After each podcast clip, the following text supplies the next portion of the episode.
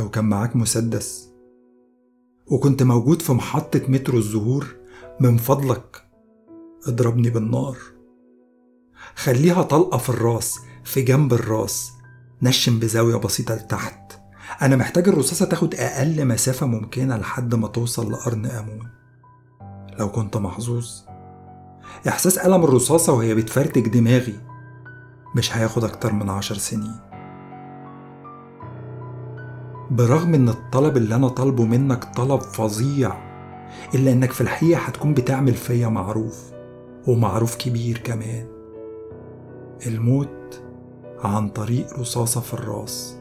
موتة في أقل وقت ممكن. موتة هتكون أكيد أحسن من العذاب اللي أنا فيه دلوقتي مشكلتي ابتدت من أكتر من عشر تلاف سنة. ابتدت الساعة عشرة وربع النهاردة الصبح. كنت بحاول أكسب شوية فلوس زيادة جنب شغلي عن طريق إني أشارك في التجارب السريرية للأدوية الجديدة.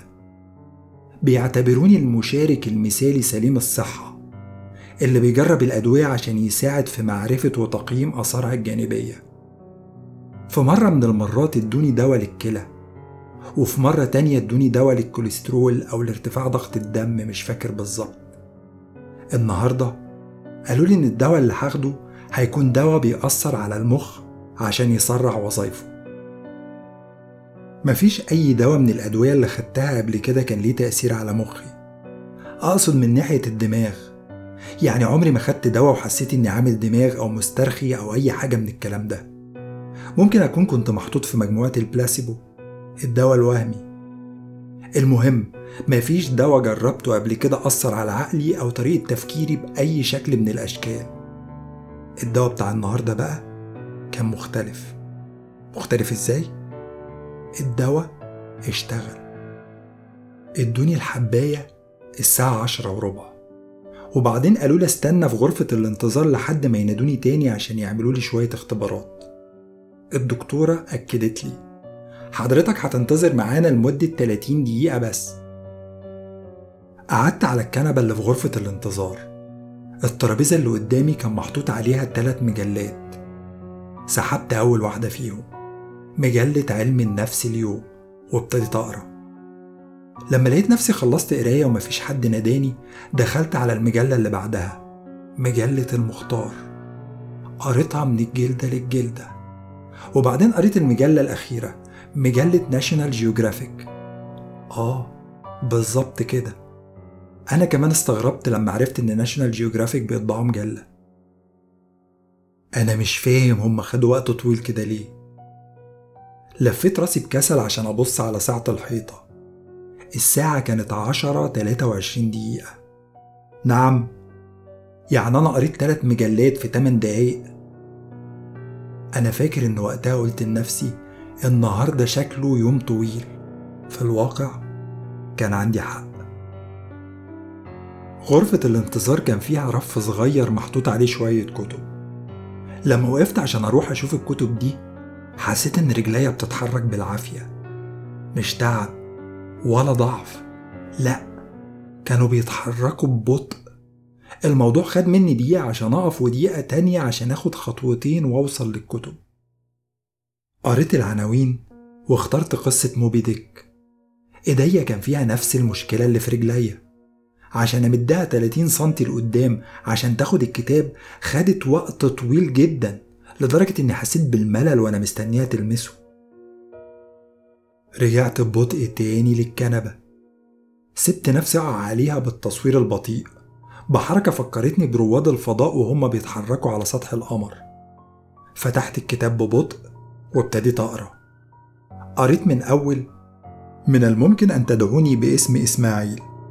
ووصلت لحد ألقى الكابتن إهاب البايب الخاص به في البحر وده كان الوقت اللي نادوني فيه. الدكتورة سألتني ها حاسس بإيه؟ حاسس إني بطيء. في الواقع العكس هو اللي صحيح. أنت بتحس بكل حاجة بطيئة عشان أنت بقيت سريع وسريع جدا كمان. إزاي يعني؟ ده أنا حاسس إن إيديا ورجليا بيتحركوا بالتصوير البطيء. بيتهيألك إن جسمك بيتحرك بالراحة عشان عقلك سريع. عقلك شغال أسرع من الطبيعي بعشر أو عشرين مرة. أنت بتفكر وتستقبل الواقع بسرعة عالية جدا. بس طبعا جسمك مقيد بقوانين الميكانيكا الحيوية. في الحقيقة أنت دلوقتي بتتحرك أسرع بكتير من البني آدم الطبيعي. رغم كده عشان عقلك بقى أسرع مشيتك السريعة باينة بطيئة بالنسبة لك. فكرت في الطريقة اللي وقعت بيها على الكنبة بالتصوير البطيء. حتى لو عضلاتي حركتها بطيئة المفروض جسمي يتفاعل مع الجاذبية بالطريقة العادية. لا العضلات البطيئة مش مفسرة ضعف الجاذبية بس عقلي فعلا شغال بسرعة الضوء وده بيفسر إزاي قدرت أقرأ 3 مجلات و30 فصل من قصة موبي ديك في 15 دقيقة بس. عملوا لي مجموعة من الاختبارات. الاختبارات الجسدية كانت ممتعة الحقيقة.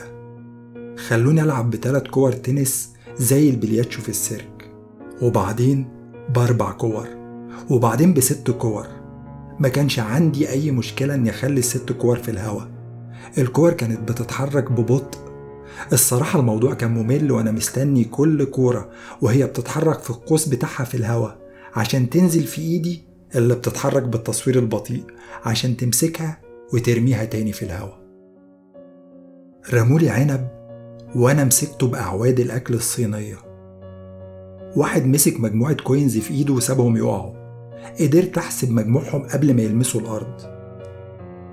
لما خلصت الاختبارات قالوا لي إن score ي 250 على مقياس نويف واضح إن ال score ده خارق بالنسبة لمعدلات سرعة التفكير العادية. قالوا لي كمان إن تأثير الدواء هينتهي خلال 3 أو 4 ساعات والساعات دي هحس بيها كأنها أيام. وقالوا لي أحاول أستفيد من تأثير الدواء اللي فاضل في إن أخلص شغل ورايا وأنا لسه بين قوسين في وضع التشغيل السريع. الرحلة للبيت بقى كانت فظيعة. رغم إنهم ثلاث محطات مترو بس بياخدوا حوالي نص ساعة في الطبيعي إلا إن تأثير الدواء خلاني أحس بالتلاتين دقيقة كأنها أيام. عشان أخرج من مكتب أبحاث الدواء وأوصل للأسانسير حسيت إني خدت ساعة. ده رغم إني جريت وأنا بحاول أخلي رجليا تحركني أسرع. بس للأسف كنت متكتف بقوانين الميكانيكا الحيوية. ورغم إن عقلي كان شغال بسرعة جبارة إلا إن ما كانش عندي أي حاجة أعملها عشان أخلي رجليا تتحرك أسرع. الفرق الكبير في السرعات ما بين جسمي وعقلي خلى موضوع إني أتحكم في جسمي عشان أبطأ أو أحود أو ألف شيء في غاية الصعوبة. اتحولت لعملاق معتوه بطيء الحركة. والنتيجة إني حكمت على سرعتي غلط وخبطت في الحيطة اللي فيها زراير الأسانسير. وده رغم إني كنت شايف الجدار وهو بيقرب مني بسرعة. ملحقتش أبعد صباعي الممدود قدامي عشان يضغط الزرار. الألم كان فظيع. لو كان مخي ماشي بسرعته الطبيعية إحساس الألم ما كانش هياخد أكتر من 30 ثانية عشان يروح. بس بالسرعة دي إحساس الألم استمر في دماغي لمدة 30 أو 40 دقيقة. جوه الأسانسير بقى الرحلة كانت عذاب. حسيت إني قضيت أربع أو خمس ساعات عشان أنزل سبع أدوار. ما كانش في أي حاجة أعملها في الوقت ده غير إن أحفظ الأربع جدران اللي حواليا. طلعت أجري لمحطة المترو. لازم أعترف إن الوقت ده كان فعلا ممتع. رغم إني كنت حاسس إن جسمي بيتحرك بالتصوير البطيء إلا إني كنت لسه قادر أختار إزاي وفين أحط رجلي وأحرك إيديا وألف جذعي. آه الموضوع خد مني شارع أو شارعين على ما اتعودت أتحكم في جسمي على ما اتعودت إن يبقى عندي عقل أسرع بعشرين مرة من جسمي. بس بعدها كنت واخد الشارع طيران وأنا بعمل حركات غريبة كأني برقص. وأنا بحرك إيديا ورجليا وبلوي جذعي عشان أتفادى الناس اللي ماشية على الرصيف. وأتفادى إن العربيات تخبطني بأجزاء من الثانية. أقصد بدقايق في الوقت بتاعي. حسيت إن عدت ساعة على ما نزلت سلم محطة المترو ووصلت للرصيف. الست دقايق المفروض أستناهم لغاية ما المترو يوصل ما كانوش راضيين يخلصوا. وده رغم إن محطة المترو كان فيها حاجات الواحد ممكن يتفرج عليها ويسلي نفسه. على عكس الأسانسير طبعا. بس برضو الموضوع كان ممل جدا. كان لازم أسرق كتاب موبي ديك المترو دخل المحطة بالتصوير البطيء. صوت الفرامل الرفيع الحاد مخي السريع ترجمه لنغمة طويلة واطية زي صوت الترومبت. ما كانش صوت فرامل المترو بس هو اللي بقى تلات أكتيفات أقل من الطبيعي. كل الأصوات بقت بطيئة لدرجة إنها قربت ما تبقاش مسموعة. بقت أقل من التردد اللي وداني تقدر تسمعه.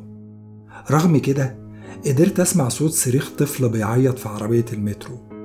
بس صوت صريخه كان عامل زي صوت حوت بيغني. الأصوات الحادة زي كلاكسات العربيات بقت واطية ومبهمة زي صوت الرعد اللي جاي من بعيد.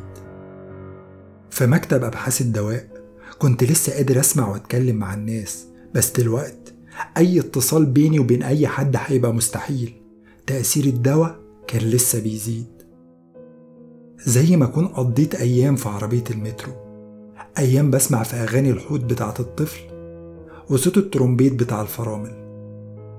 لاحظت إن الروايح إحساسها ما اتغيرش الظاهر إن الدواء ما بيأثرش على حاسة الشم. أخيرا وصلت شقتي على الأقل هيبقى عندي حاجة أعملها. مسكت كتاب كنت ابتديت أقرأ فيه قبل كده مئة عام من العزلة.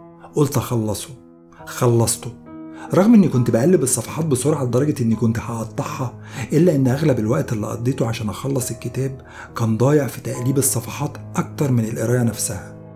تلات دقايق عدوا من ساعة ما وصلت البيت. حاولت أتصفح الإنترنت. مش ممكن الوقت الطويل اللي بتاخده أجهزة الكمبيوتر بتاعت اليومين دول عشان تفتح. الموضوع بطيء بشكل محبط. ساعات عشان الويب بيج تتحمل وجزء من الثانية عشان أقراها. قريت مئات من صفحات الويكيبيديا. تلات دقايق تانيين عدوا. دخلت على الكتب اللي كنت حاطط في خطتي إن أقراها الفترة الجاية. قريت منهم كتابين. أربع دقايق كمان عدوا. يو بقى! قررت إني أنام لغاية ما تأثير الدواء يروح. لسوء حظي الجزء اللي مسؤول في عقلي عن الوعي أو الإدراك اللي الدواء سرعه مش هو نفس الجزء اللي بيتحكم في النوم. يعني برغم إن جزء من عقلي كان حاسس إنه صاحي من أيام إلا إن في جزء تاني كان مدرك إن الساعة لسه واحدة وخمسة وعشرين دقيقة بعد الظهر وما كانش مستعد إنه ينام. مع كده عانيت حاولت أنام. رحت أوضة نومي. المشوار خد حوالي ساعة إلا ربع. رميت نفسي على السرير. وقعت زي الريشة على المرتبة. غمضت عيني. وفضلت ممدد ساعات وساعات. اللي هم طبعا عشر دقايق بالوقت الطبيعي. مفيش فايدة. يئست من إن يجيلي نوم. أنا بواجه مشكلة. مشكلة هتستمر الأيام وممكن أسابيع وأنا محبوس في سجن سلو موشن ده. خدت حباية منوم. مش عاوز أوصف لكم إحساس الحباية والمية اللي شربتها عشان أبلعها بيها. كان إحساس مقرف. ورم بيتحرك بالراحة في زوري. وبيمنعني من إني أتنفس. قريت كتاب عدى عشر دقايق. قريت كتاب تاني 18 دقيقة من وقت ما خدت المنوم رميت الكتاب من قرفي. الكتاب طار بالراحة واتفتح في الهوا وهو بيلف حوالين نفسه زي ورقة شجر بيلعب بيها الريح. وبعدين خبط في الحيطة بصوت مكتوم كان أول صوت أسمعه من وقت طويل. وبعدين وقع على الأرض زي شبشب بيغرق في حمام سباحة. قوة الجاذبية ما اتغيرتش من ساعة ما خدت الحباية ولا قوانين الفيزياء اتغيرت إدراكي للوقت هو اللي باظ اتهبل. ده معناه إني ممكن أحسب تأثير الدواء عن طريق الحاجات وهي بتقع على الأرض. بس لو طبقت النظرية دي على الكتاب الكتاب وقع ببطء شديد. يا نهار أبيض! تأثير الدواء لسه بيزيد. قريت مجلة وبعدين فتحت التلفزيون. كنت بشوف كل فريم في الفيديو كأني بتفرج على سلايد شو بكل يأس طفيت التلفزيون تاني وقريت شوية كمان. قريت كتاب تاريخ الأشخاص المتحدثين بالإنجليزية. الصراحة كتاب نفخ بس أنا مش هقوم من مكاني وأقضي وقت طويل ممل عشان أجيب كتاب تاني. عدت 35 دقيقة من ساعة ما خدت المنوم. مددت على الكنبة وقفلت عينيا. وقت طويل عدى. خدت نفسي. عملية بتاخد ساعة. وقت طويل تاني عدى. طلعت النفس. عملية بتاخد ساعات. برضه ما جاليش نوم. كنت محتاج خطة جديدة. قررت إن أروح تاني مكتب أبحاث الدواء. ممكن يكون عندهم حاجة تعكس مفعول الدواء. أو ممكن يدوني حاجة تنيمني لحد ما تأثيره يخلص. خرجت من شقتي بأعلى سرعة ممكنة. ما قفلتش الباب ورايا. الموضوع ده هياخد وقت طويل جدا. نزلت السلم. هيبقى أسرع من الأسانسير خصوصا إني بجري.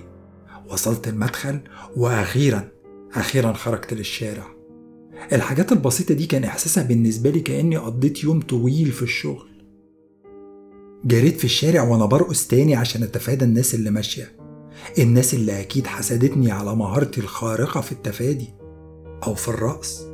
مش فارقة. نزلت أول مجموعة سلالم بتوصل للمترو ووصلت الأول بسطة. ساعة تانية عدت أهي. وبعدين نزلت مجموعة السلالم اللي بعدها. وبعدين؟ وبعدين المنوم اشتغل. المنوم ما خلانيش أحس إني عاوز أنام. بالعكس واضح إنه اتفاعل مع الدواء التاني اللي خدته الصبح. كنت بتحرك نازل السلم. أي نعم نازل بالتصوير البطيء بس كان في تقدم بيحصل.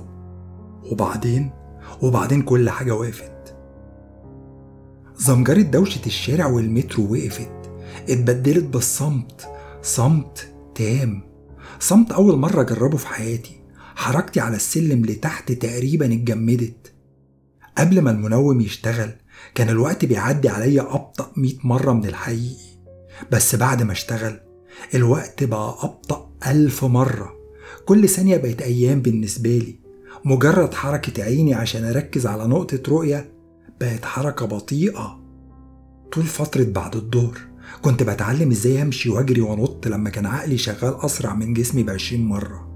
بس دلوقت السيطرة على جسمي بقت شبه مستحيلة. وعشان كده وقعت من على السلم. ورغم إني كنت حاسس إني متجمد في الهوا وأنا بقع إلا إن التحكم في عضلاتي زي ما قلتلكوا كان مستحيل. فضلت ساعات بدي أمر الرجل عشان تتحرك لقدام. وبعدين ساعات تانية بديها أمر إنها تتحرك لورا لما حسيت إنها مش هتنزل مظبوط على السلمة. رغم كل المحاولات والمجهود ده رجلي اتلوت على درجة السلم. البطء ما قللش الألم. قضيت ساعات ووزني اللي بيزيد على رجلي الملوية بيتحول لساعات من الألم. ملت لقدام وعقلي السريع مش عارف يسيطر على جسمي البطيء. فضلت بقع أيام كل اللي قدرت أعمله إن ألف جذعي عشان أمنع راسي من إنها تخبط في الأرض الأول. في الآخر وقعت على كتفي اليمين.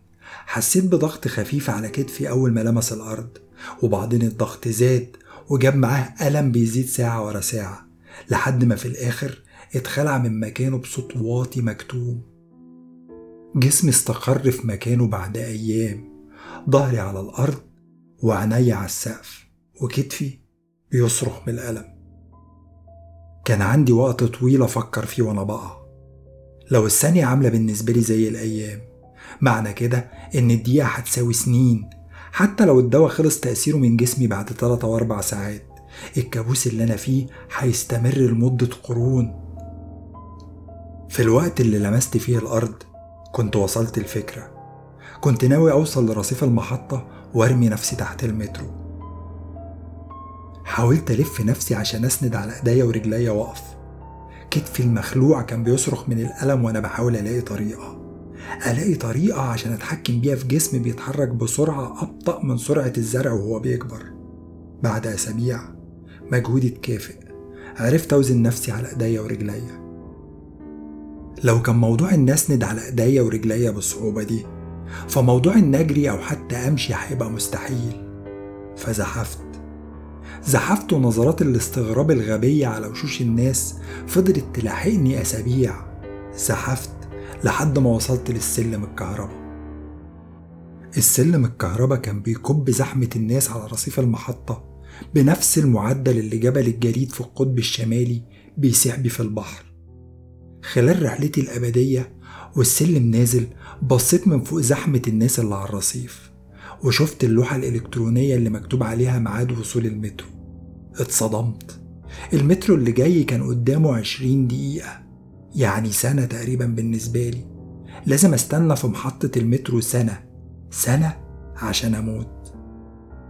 زحفت بعيد عن السلم وأنا بتحمل سنين من التعبيرات الغبية اللي مرسومة على وشوش الناس. زحفت. لحد ما وصلت البنش حديد وكومت نفسي جنبه وأنا بحاول ألاقي وضع يقلل الألم اللي في كتفي. وبعدين؟ وبعدين مشكلتي مع الوقت بقت أسوأ أسوأ بشكل رهيب. البطء الرهيب اللي حصل لي وأنا نازل السلم كان بداية تفاعل المنوم مع الدواء. التأثير الكامل للتفاعل خبطني وأنا متكوم جنب البنش. رمشت بعينيا سنين من الضلمة. الأصوات كلها كانت اختفت من وداني وبرمشتي دي نظري راح هو كمان. ما فضلش غير حاجة واحدة الوجع. عقلي السريع ما ضيعش وقت. ابتدى يعوض نقص الحواس. أصوات ابتدت تكلمني وتغني لي بلغات ما اتنطقتش قبل كده. ابتديت أشوف أشكال ووشوش وألوان بعقلي. استرجعت حياتي كلها وتخيلت إني عشت حياة تانية. نسيت اللغة اللي بتكلمها وقعت في قاع بحر اليأس. اتخيلت بداية عالم جديد من عصوره البدائية لحد ما وصل لقمة التطور ودمر نفسه. وبعدين؟ وبعدين عملت كده تاني. وبعدين تاني. عينيا ابتدت تفتح ببطء جيولوجي رهيب. وهاج ضعيف. وبعدين أسابيع. وبعدين سطر من الضوء وبعدين أسابيع. منظر ضيق لرصيف المترو. رجلين ناس وإعلان على الحيطة اللي قدامي. طلعت تليفوني من جيبي. مشروع خد مني سنين. إزاي أقدر أشرح الملل؟